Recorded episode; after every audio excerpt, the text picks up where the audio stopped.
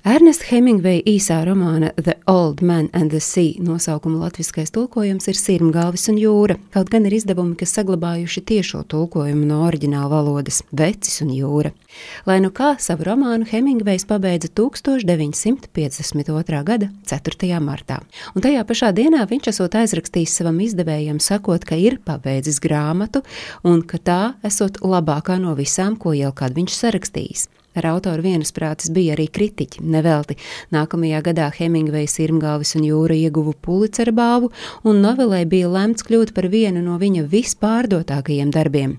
Divus gadus vēlāk, 1954. gadā, par šo darbu Hemingvejs saņēma Nobela balvu literatūrā. Darbs ir par gados vecu zvejnieku Santiago, kurš pēc vairāku nedēļu ilgas zvejas tukšā bez nevienas noķertas zivs tomēr noķer milzīgu zivi, un ar to tad sākas viņa cīņa.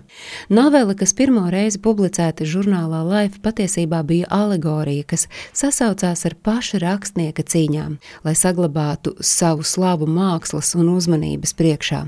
Uz to mirkli Hemingvejs bija kļuvis par kulta figūru, kura četras laulības un azartiski varoņdarbi lielo medību un makšķerēšanas jomā tika plaši atspoguļoti presē. Bet neraugoties uz slavu, viņš desmit gadu laikā nebija uzrakstījis nevienu lielu literāru darbu. Un Sirmgalvis un Jūra zināmā mērā tapa, lai pierādītu, ka Hemingvejs joprojām piedalās rakstniecības spēlē. Un tikai nedaudz var lepoties ar tik notikumiem bagātu dzīvi kā Ernests Hemingvejs. Viņa dzīves stāsts atgādina visaizraujošāko piedzīvojumu romānu. Ārsta un operdziedātājas dēls piedzima 1899. gada 21. jūlijā Amerikas vidusrietumos.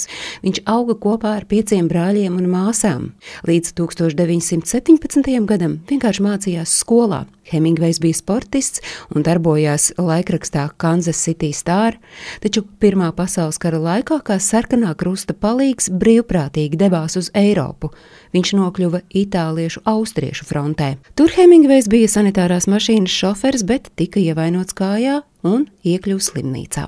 Pēc izārstēšanās viņš kādu laiku bija Toronto Star avīzes tuvo austrumu korespondents, vēlāk dzīvoja Parīzē, tur apguva rakstnieka meistarību.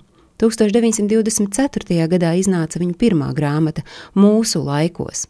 Pēc romāna un saulelets lielajiem panākumiem Hemingvejs rakstīja par Spāņu pilsoņu karu, Otro pasaules karu un 40. gadu cīņām Ķīnā.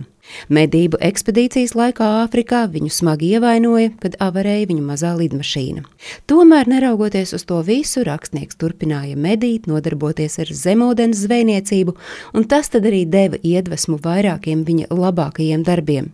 Hemingvejs tiesa bija ne tikai izcils rakstnieks, bet arī pārdrošs un dedzīgs iedzērājs. Nevelti daži bāri nosaukti tieši viņa vārdā, tāpat arī daži kokteļi radušies tieši pateicoties Hemingvejam. Pašiem bāriem viņš līdz ar sevi, saviem apmeklējumiem un iecienītajiem kokteļiem nesa slavu, apmeklētāju pieplūdumu un padarītos līdz pat mūsdienām atpazīstamus. Un patiesībā tiešām kokteils Daikiri kļuva slavens tikai pateicoties Hemingvejam. Viņš vienkārši šo kokteili lietoja neiedomājamos daudzumos un visdažādākajās variācijās, no kurām dažas vēl arī šodien var sastapt bāru dzērienu kartēs, piemēram, Hemingveja special. 1960. gada rudenī rakstniekam parādījās pirmās depresijas pazīmes. Vairāk kārt viņš nokļuva slimnīcā un sākās dzīve, kas vairs nelīdzinājās viņa varoņa dzīvei ģimenes nesaskaņu un slimības dēļ, kā arī bailēs par to, ka nespēs vairs rakstīt. 1961. gada 2. jūlija rītā Kubā Hemingvejs nošāvās, stāstīja Agnese Drunka.